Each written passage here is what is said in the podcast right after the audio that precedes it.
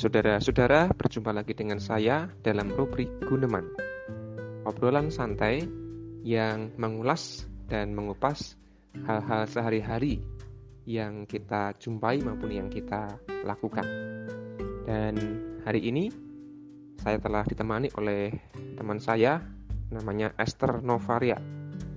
Supaya lebih akrab lagi, silahkan Mbak Esther memperkenalkan diri Eh, siapakah Mbak Esther ini lalu kesibukannya apa sekarang?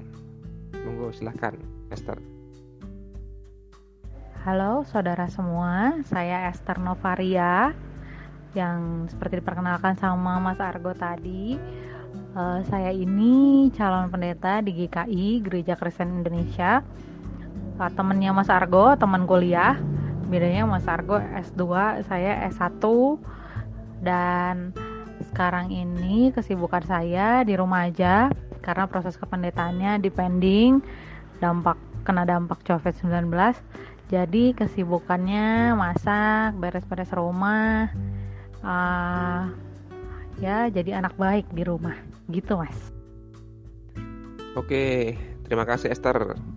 Berarti prosesmu dalam pencalonan sebagai pendeta juga tertunda ya karena COVID-19 dan rasanya ini dialami oleh banyak gereja. Termasuk GKJ juga ada banyak gereja yang sedang proses pemanggilan calon pendeta harus dibanding dulu ya. Nah itu salah satu dampak COVID-19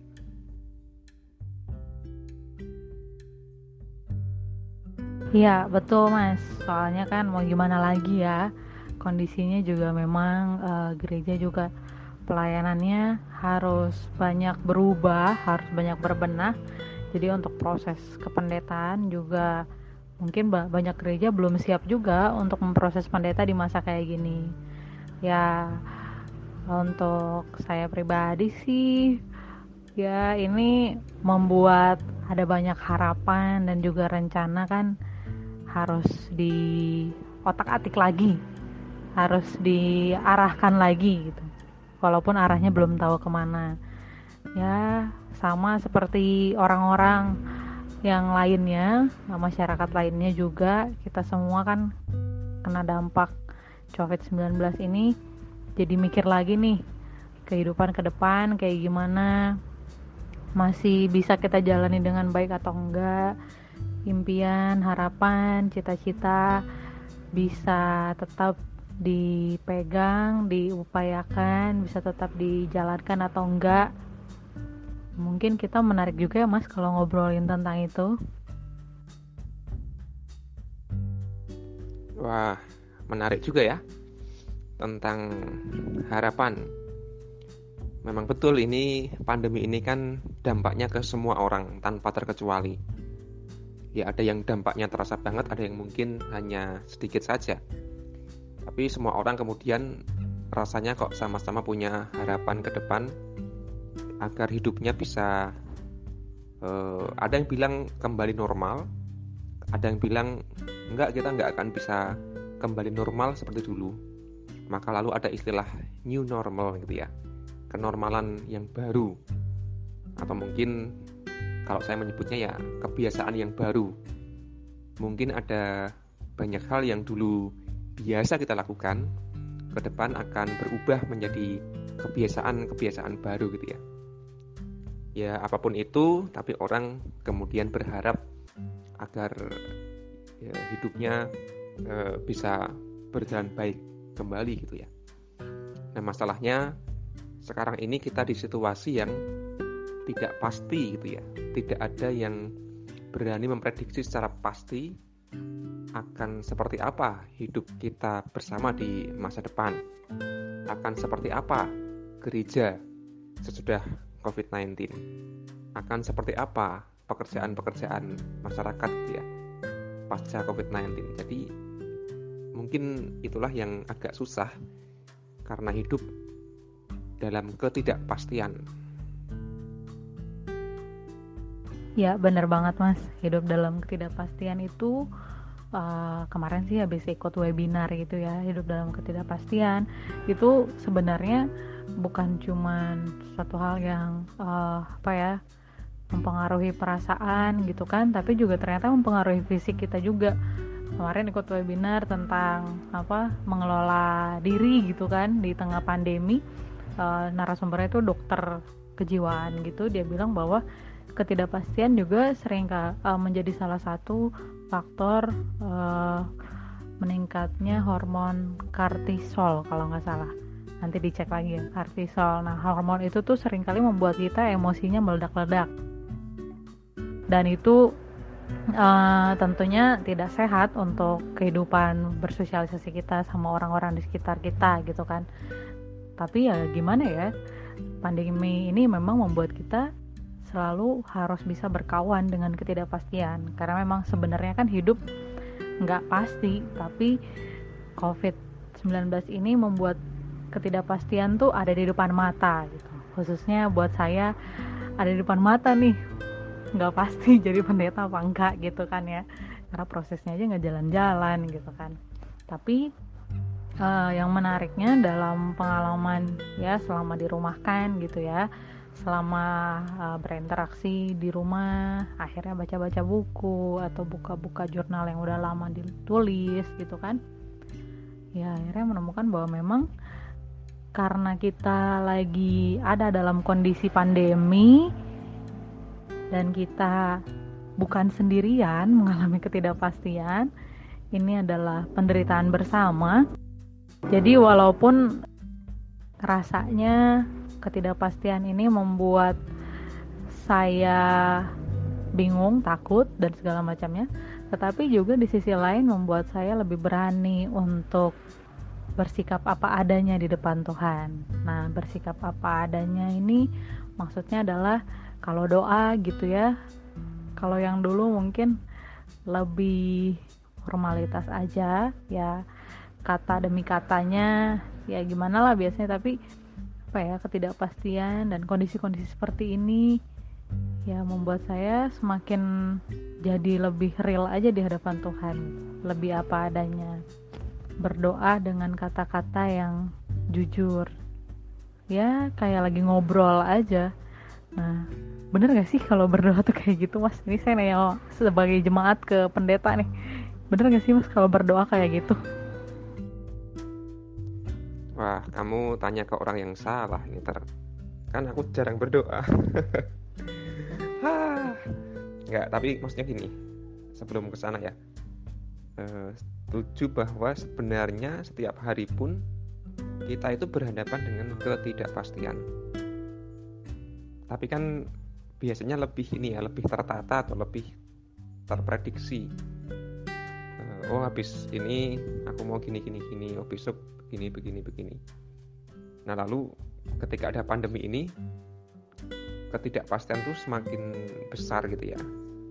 Semakin nyata. Ini sudah hampir nggak ada yang bisa dipastikan lagi gitu ya. Makanya lalu salah satu cara orang uh, apa ya diri sendiri itu mengatasi adalah dengan berdoa. Aku pernah baca di mana lupa, tetapi PGI itu bikin penelitian tentang apa yang jemaat atau umat butuhkan ketika masa pandemi ini dari gereja gitu ya.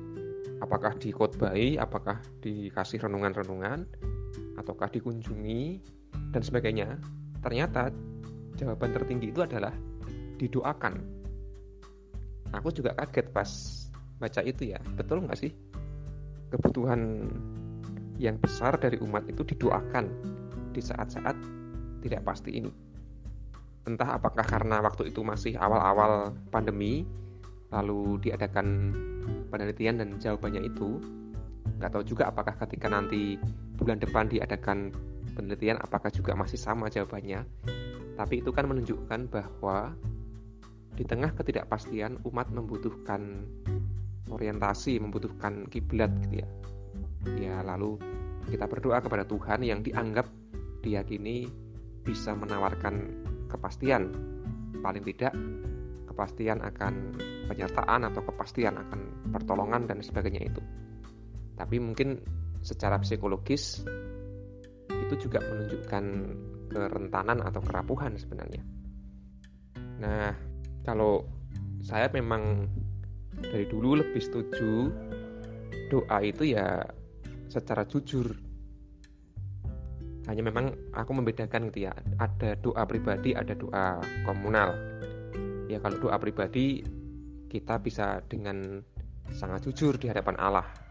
Ngapain juga pakai bahasa-bahasa yang terlalu entah formal entah apa tapi itu justru bukan kita ya tapi memang kita tahu kan eh, kamu juga pasti sering diminta untuk mendoakan orang lain atau doa bersama. Nah ketika doa komunal itu ya barangkali kita tidak bisa sangat jujur lalu hanya seperti orang ngobrol tapi ya perlu dalam arti menata bahasa yang diterima oleh e, banyak orang itu. Tapi kalau secara pribadi sudah lama sih aku juga doanya ya dengan bahasa yang sangat jujur, sangat santai kepada Allah. Ya karena Tuhan ku hayati sebagai sosok yang tidak terlalu jauh dan tinggi dan apa namanya formal gitu ya. Maka itu juga mempengaruhi kan bagaimana kita menghayati Tuhan akan berdampak pada bagaimana kita berdoa. Itu sih ternek kalau aku. Wah menarik tuh hasil penelitian PGI tadi menurutku selain soal arah maksudnya bagaimana umat demi uh, berharap ada arah uh, ada sesuatu yang apa meneguhkan gitu ya ketika didoakan kan meneguhkan pengharapan meneguhkan iman gitu kan. Penghayatan umat kan biasa seperti itu. Uh, tapi menurutku itu menyeratkan hal lain mas yaitu soal bagaimana seseorang uh, berharap untuk dikuatkan jadi doa itu bukan hanya perkara uh, relasi yang vertikal ke atas dengan Allah yang menjadi Tuhan kita, tetapi juga relasi yang horizontal. Kalau menurutku, ketika tadi dikatakan banyak jemaat yang minta untuk didoakan dalam pelayanan di masa pandemi ini, karena buatku pribadi, doa itu kan bukan cuma soal apa ya kata-kata yang diungkapkan tanpa rasa gitu kan. Tapi kata-kata yang lahir dari rasa rasa apa? Ya rasa persaudaraan rasa relasi yang kuat. Bagaimana uh, kita oh mungkin bukan persaudaraan ya lebih tepatnya rasa percaya kita. Bagaimana kita percaya sama Tuhan maka kita meluapkan semua yang kita rasakan semua yang kita pikirkan bahkan juga kita menunggu, kita berusaha mendengar apa yang Tuhan rasakan, apa yang Tuhan pikirkan tentang kehidupan yang sedang kita jalani melalui doa. Dan kalau sampai hasil surveinya PGI, hasil penelitiannya PGI menunjukkan bahwa jemaat butuh didoakan, Mungkin ini lebih kuatnya soal bagaimana para pendeta, para pelayan di gereja hadir untuk menjadi rekan dalam penderitaan bersama ini, untuk memakai relasi di antara jemaat dan pendeta, bukan cuman relasi formal. Saya tercatat di gereja mana dan siapa pendeta saya, tapi soal bagaimana sosok pelayan Tuhan itu hadir menguatkan jemaat menanyakan kabarnya dan uh, memohon penyertaan Tuhan bersama-sama dengan dia. Nah, buat saya uh, menarik sih waktu beberapa hari lalu juga saya mengalami itu gitu kan. Dari salah salah, satu gereja tempat saya praktek sebelumnya ada salah satu pendeta yang uh, kirim pesan via WA gitu kan. Dia tanya kabar saya udah netting duluan nih gitu kan. Wah kayaknya dia mau ngasih tugas nih. Sekarang kan karena apa pelayanan by virtual kita tuh bisa kontribusi di mana aja kan gitu kan. Saya bisa kasih renungan untuk gereja mana saya bisa pimpin PA untuk gereja mana gitu kan. Kayak sekarang nih kita bisa ngobrol-ngobrol by virtual gini. Dan uh, pas pendeta itu ngontak saya saya udah netting duluan loh dia mau ngasih tugas apa nih sama saya nih susah nggak ya tugasnya? Aduh, aduh saya masih ada kerjaan uh, dengan janji dengan yang lainnya udah mikir macam-macam. Eh ternyata dia cuma nanya kabar aja. Terus oh iya syukurlah kalau kamu ada kegiatan semangat ya kayak gitu-gitu aja. Dan itu nyatanya sangat menyenangkan untuk saya gitu. Walaupun di, kami belum berdoa bersama tetapi kebera, kehadirannya keberadaannya nginget saya dan bertanya kepada saya itu menyenangkan banget gitu kan. Dan buat saya doa juga soal itu gitu loh. Soal bagaimana saya mengingat Tuhan bagaimana Tuhan mengingat saya dan ada suatu ketenangan untuk berbincang dengan Tuhan. Uh, tadi saya ketika saya ngomong berdoa dengan jujur itu bukan hanya soal kata ya benar apa apa yang Mas Argo juga tadi bilang juga soal bagaimana saya memperlakukan Tuhan gitu maksudnya adalah saya berusaha untuk bahkan dalam aktivitas-aktivitas kecil saya gitu dalam ketika saya cuci piring atau saya nyapu rumah. Di rumah kan eh, biasa ya namanya keluarga gitu kan. Ada banyak penghuni tetapi biasanya hanya satu yang bekerja bersih bersih rumah atau enggak satu dua orang. Kemudian ada perasaan-perasaan jengkel eh, kemudian saya kayak dengar Tuhan ngomong gitu kenapa jengkel? Bukankah ini untuk kebutuhanmu sendiri tentang kebersihan? Bukankah ini upayamu untuk menjaga dirimu dan keluargamu? Harusnya kamu bersuka cita dong masih bisa berkontribusi.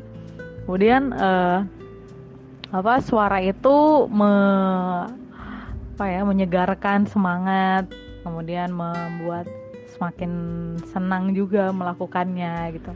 Jadi uh, doa yang jujur relasi yang dekat dengan Tuhan ternyata di tengah pandemi ini membuat saya semakin diteguhkan gitu loh bahwa hidup itu sesuatu hal yang sangat bisa kita syukuri.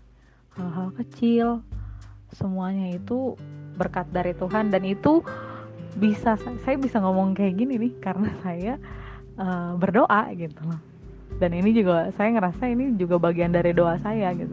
Saya karena saya menyadari Tuhan memberikan banyak hal untuk saya dan saya juga di tengah segala ketidakpastian ternyata keyakinan atau keteguhan hati untuk oke okay, uh, eh, Tuhan itu nggak jauh Tuhan itu bukan sosok yang menghukum Tuhan itu rekan yang membantu saya apa ya spirit yang menguatkan saya untuk terus menjalani hidup dengan rasa syukur dan apa dan pengharapan akhirnya ya kondisi-kondisi yang di luar jangkauan ketidakpastian-ketidakpastian yang begitu gelap itu rasanya sedikit demi sedikit jadi terang gitu karena hari demi hari dijalani dengan doa-doa yang bukan cuman diaminkan tapi juga diimani.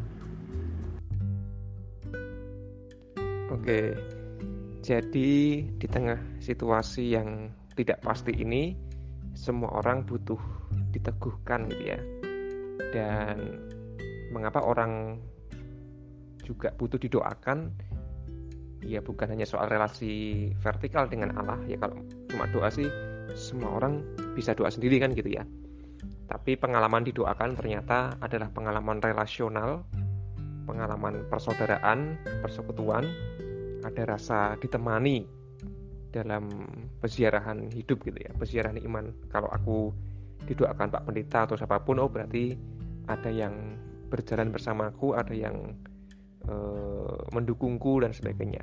Nah, mungkin betul juga terlebih ke perasaan itu yang yang tidak kalah penting gitu ya. Nah nek soal gini-gini kan aku apa ya nggak peka gitu ya. Aku juga heran ketika pertama-tama bikin renungan bahkan aku kadang nyanyi atau lagu gitu apa ya dengan suara yang seadanya lah. Tapi beberapa jemaat minta ini uh, ayo Pak Pendeta tiap hari ya mesti besok lagi dan sebagainya gitu kan. Ya aku nggak bisa rutin sih tapi berusaha untuk uh, menyapa lewat entah lewat renungan entah lewat nyanyian entah lewat doa beberapa ada juga yang mengaku sampai terharu gitu ya dan sebagainya lah tapi juga aku nambah dengan menu gundeman ini supaya ya apa ya ada percakapan-percakapan yang berkembang Nah, eh, itu yang pertama.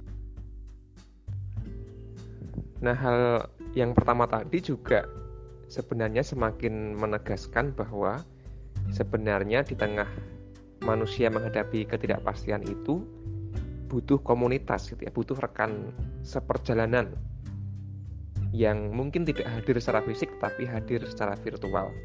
Entah suaranya, entah videonya dan sebagainya, tapi orang butuh merasa ditemani. Meskipun ini bukan kebutuhan semua orang atau mungkin tiap orang kebutuhannya juga beragam dia nggak sama tapi rata-rata memang kita butuh saling meneguhkan dan itulah pentingnya komunitas saya pikir entah keluarga entah gereja uh, itu yang kedua ya soal doa itu kan kita cenderung memahami doa itu ya ketika menutup mata melipat tangan gitu ya dalam arti ritualnya itu, seremonialnya itu. Padahal kan doa tidak sebatas dengan cara ritual seperti itu ya. Tadi Esther mencontohkan ketika sambil bersih-bersih atau masak atau yang lain nggak tahu, itu juga bercakap-cakap dengan Tuhan. Nah rasanya memang kata kuncinya kan percakapan, dialog dengan Tuhan.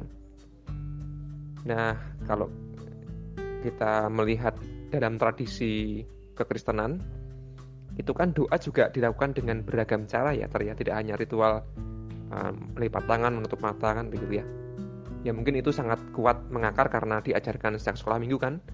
Apa lipat tanganmu tutup matamu lalu bicara kepada Tuhan berdoa. Namun doa sejatinya kan bisa dilakukan dengan beragam metode atau cara. Ada yang dengan meditasi gitu ya. Doa dalam hening kontemplatif gitu ya. Dan bahkan tanpa kata-kata kan kita diam. Terhubung secara batin dengan Tuhan. Lalu ada doa apa sih namanya yang pakai kayak labirin itu Esther mungkin tahu ya namanya doa labirin mas kadang dengan gambar kadang dengan berjalan di sebuah seperti labirin itu terus uh, kita berdoa nah, itu Gimana tuh Tar? Menurutmu?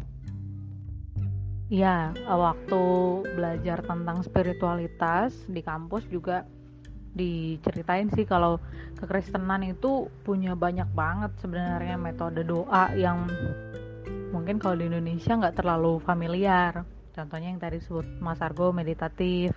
Terus ada juga orang yang berdoa dengan nyanyian nyanyian Taise gitu kan yang dikombinasikan dengan doa meditatif uh, banyak heningnya tetapi juga diiringi nyanyian gitu. Ada juga yang berdoa dengan gambar. Beberapa waktu lalu uh, ada komunitas pemuda di Jogja yang mereka secara virtual persekutuan kemudian setiap orang melukis gitu. Melukiskan uh, perasaannya dan juga apa ya suara Tuhan yang dia dengar dalam kehidupannya yang dia wujudkan dalam gambar. Ada juga yang berdoa dengan dibantu dengan semacam kalung tasbeh gitu. Ya bukan cuman di muslim ada juga yang di, di Kristen. Ada satu dosen teologi di Duta Wacana juga. Apa namanya bikin-bikin kayak kalung-kalung gitu. Saya lupa namanya apa dan kalung itu juga membantu untuk proses berdoa karena proses berdoa karena ada orang yang memang butuh sebenarnya lebih tersentuh dirinya dengan pakai barang gitu disentuh atau bukan jadi bukan cuman melipat tangan tutup mata kemudian berdoa. Kalau doa labirin sendiri sebenarnya itu suatu proses berdoa yang di dilakukan dengan cara membuat apa berjal membuat satu kalau nggak salah ada beberapa metode sih. Ada yang memulainya dengan berkumpul dulu di satu tempat kemudian dijelaskan bahwa kita akan merenungi merenungkan satu bagian dari uh, ada tema tertentu gitu. Kemudian setiap orang berjalan jadi ada satu uh, semacam spanduk gitu ya atau kain gitu yang dicetak. Di atasnya ada gambar labirin. Kemudian setiap orang harus uh, berdoa harus merenungkan kehidupannya dengan tema yang sudah ditentukan itu. Kemudian terus berjalan berjalan di labirin itu. Penghayatannya sih bahwa kita kayak semakin dalam kita semakin jauh berjalan kita semakin dalam melihat diri kita. Semakin dalam bercakap-cakap dengan Tuhan. Itu metode untuk berdoa. Dan saya sih merasa uh, itu suatu ritus ya sama seperti kita ke gereja ada ritual ada uh, aturan-aturannya. Dan doa-doa yang tadi juga sebenarnya itu ritus-ritus yang sebenarnya kembali lagi sebuah upaya untuk kita melatih relasi kita, percakapan-percakapan kita yang tadi disebut sama Mas Argo dengan Tuhan, supaya kepekaan kita untuk mengenal Tuhan yang kita imani itu semakin dalam dan juga Tuhan pun semakin mengenal siapa Esther, siapa Argo, siapa jemaat-jemaat Tuhan secara pribadi. Oke, jadi doa ternyata ada sangat banyak metode yang yang mungkin jarang dieksplor oleh gereja gitu ya. Ada doa pribadi maupun doa komunal dan itu ada sangat banyak cara sebenarnya.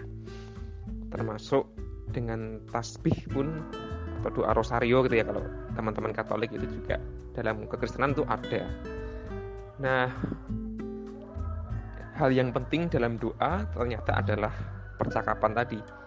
E, tidak hanya kita yang ngomong sebenarnya kan begitu ya tapi doakan dialog bukan monolog. Berarti kita juga ada momen untuk mendengar Tuhan. Maka tadi Esther mengatakan kita juga perlu ada kepekaan kepada Allah ketika berdoa nah memang kan cenderung doa dipahami hanya sekadar kita yang bicara Tuhan yang mendengar kita yang ngomong, Tuhan yang diam gitu ya. Padahal dalam doa mestinya ada percakapan yang berimbang. Kita maupun Tuhan sama-sama bicara, kita maupun Tuhan sama-sama mendengarkan. Aku jadi teringat sebuah kisah yang dimuat dalam buku lupa namanya, tapi Anthony de Melo gitu ya. Ada seorang tua yang sendirian berdoa di gereja. Lalu ada seorang pastor yang datang menghampiri orang yang berdoa itu. Lalu dia tanya pastor itu tanya e, apa yang saudara katakan dalam doa kepada Allah? Nah orang itu menjawab enggak saya enggak mengatakan apa-apa. Saya mendengarkan Allah. Lalu si pastor tanya lagi kalau begitu apa yang Allah katakan kepada anda dalam doa tadi? Orang itu menjawab hmm, Allah tidak mengatakan apa-apa juga. Allah mendengarkan saya. Nah itu cerita yang menurut saya inspiratif juga bahwa oh doa tidak, tidak hanya soal bahkan tidak hanya soal saling berbicara tapi juga saling mendengarkan. Terus gini ter. Aku tuh punya kebiasaan sudah cukup lama itu kalau berdoa pribadi maksudku itu tidak meminta tapi ya hanya bersyukur atau seperti ngobrol dengan teman gitu doa pribadi loh ya. Kalau doa komunal kan kamu tahu pasti ada request-request kan. Jemaat minta didoakan ini didoakan itu dan seterusnya. Memang berisi permintaan. Namun kalau doa pribadi aku sudah sangat jarang meminta. Namun lebih banyak bersyukur aja. Nah mungkin orang mengatakan ini dikira sok-sokan kan begitu tapi nggak tahu bang itu penghayatanku. Menurutmu piye ya apa-apa Thomas justru aku malah uh, semakin ke sini gitu ya merasa bahwa ya untuk apa lagi meminta gitu loh.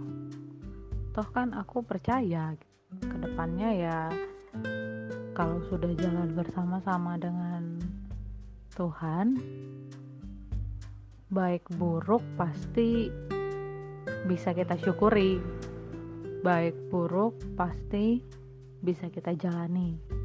Jadi, tadi sih kepikiran gitu ya, kenapa ya, ya makin ke sini ya mau berdoa minta tuh aneh. Ya sama aja kayak kita punya orang tua semakin kita besar, semakin kita dewasa, bukankah untuk minta sesuatu semakin aneh? Bukankah kita semakin merasa bahwa keberadaan orang tua kita aja keberadaan orang tua kita untuk selalu ada bersama dengan kita bersama gitu ya? Maksudnya selalu ada dalam relasi yang baik walaupun berbeda lokasi gitu.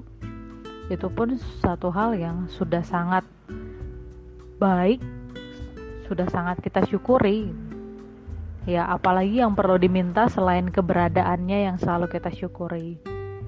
Mungkin itu juga yang menjadi landasan sih untuk setiap orang yang berdoa dengan syukur. Ya karena keberadaannya Tuhan pun sudah lebih dari cukup untuk menjalani hari-hari ke depan. Yang berikutnya itu yang banyak menggelisahkanku itu gini sih mungkin aku bisa salah ya tapi orang yang berdoa itu terkesan menyerahkan tanggung jawab hidupnya itu pada Tuhan seolah-olah oke Tuhan mengerjakan ini itu uh, aku sudah berdoa artinya aku sudah minta tolong kepada Tuhan. Lalu doa tidak cukup membuat orang itu berubah gitu ya. Nah padahal doa kan ada yang bilang begini lupa saya lupa siapa ya doa itu bukan cara kita mengubah Allah, melainkan doa itu adalah cara kita mengubah diri kita sendiri. Ya biar lebih baik, biar lebih uh, taat pada Allah dan sebagainya, dengan tetap berusaha kan begitu. Jadi kalau doa tidak mengubah diri kita menjadi lebih katakanlah lebih dewasa dan sebagainya, mungkin ya doanya perlu dipertanyakan. Kalau soal itu tadi aku udah sempat menyinggung sih Mas soal mengimani bukan hanya mengaminkan.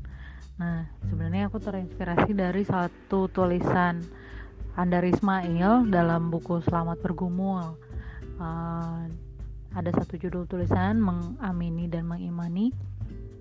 Aku bacakan aja ya, agak sedikit panjang tapi ini sangat baik dan semoga menjawab apa yang uh, Mas Argo tanyakan. Ketika berdoa, kita mengimani kehendak Tuhan. Dalam doa, kita menyediakan diri dan membiarkan diri kita dipakai oleh Tuhan untuk melaksanakan kehendaknya. Kita menunduk, kita mengangguk. Lalu doa itu kita akhiri dengan kata amin, yang berarti sesungguhnya begitu. Kita mengakui kesungguhan kehendak Tuhan dan kesungguhan kita untuk menempatkan diri di bawah kehendak Tuhan. Dengan berdoa, kita mengimani dan mengamini kehendak Tuhan. Akan tetapi, itu belum berarti bahwa doa kita telah selesai. Sebuah sikap percaya perlu ditindaklanjuti. Jika kita berdoa agar nama Tuhan dikuduskan, kerajaannya datang dan kehendaknya terjadi, maka sikap percaya itu perlu kita tindak lanjuti. Jadi, beriman itu bukan hanya duduk menunduk, melainkan bersikap hidup tunduk pada kehendak Tuhan di seantero jalan hidup kita. Itulah arti mengimani dan mengamini sesuatu di hadapan Tuhan, yaitu menyikapi sesuatu dengan teguh dan mewujudkan dengan tindak lanjut yang nyata. Begitu kira-kira, Mas. Oke, terima kasih Esther atas sharing-sharingnya, pengalaman maupun wawasan yang mengajak kita semua untuk bergumul dan terus menghayati doa bersama dengan komunitas sesama dan tentu bersama dengan Allah. Saudara-saudara, semoga percakapan kami hari ini bisa bermanfaat untuk kita saling bertumbuh dan di tengah dunia yang sedang berjalan dalam ketidakpastian ini kita diajak untuk terus berdoa, berelasi, berkomunikasi dengan Allah. Dan kiranya doa sungguh-sungguh menjadi nafas hidup kita dalam arti kita hidupi dengan sungguh-sungguh, bukan sekadar ritual semata. Baik, selamat e, beraktivitas untuk Esther. Terima kasih sudah bergabung dengan saya dan selamat menunggu dalam ketidakpastian terkait dengan prosesmu menjadi calon pendeta. Ya, kalau aku sih masih optimis nanti akan prosesnya akan berlangsung uh, setelah pandemi ini selesai. Semoga sukses dan mungkin kapan-kapan kita bisa guneman lagi, bisa ngobrol-ngobrol lagi dengan topik yang lain. Oke, terima kasih Esther. Ya, sama-sama Mas Argo. Terima kasih juga sudah ngajak ngobrol-ngobrol. Semoga gunemannya bermanfaat dan memberkati kita semua, juga untuk saudara-saudara yang mendengarkan. Mari kita uh, akhiri karena kita ngomongin doa, kita akhiri dengan berdoa ya. Walaupun tidak dibuka dengan doa, uh, saya mau pimpin kita di dalam doa. Ya Allah Bapa kami yang penuh dengan kasih, kami bersyukur untuk kehidupan yang Engkau berikan. Di dalam segala ketidakpastian kehidupan, kami mohon ya Tuhan, tetaplah berjalan bersama dengan kami. Itu saja, cukup. Dan kami yakin percaya Engkau bisa menguatkan, memampukan kami untuk semua hal yang ada di depan. Demi Kristus Yesus kami telah berdoa. Amin.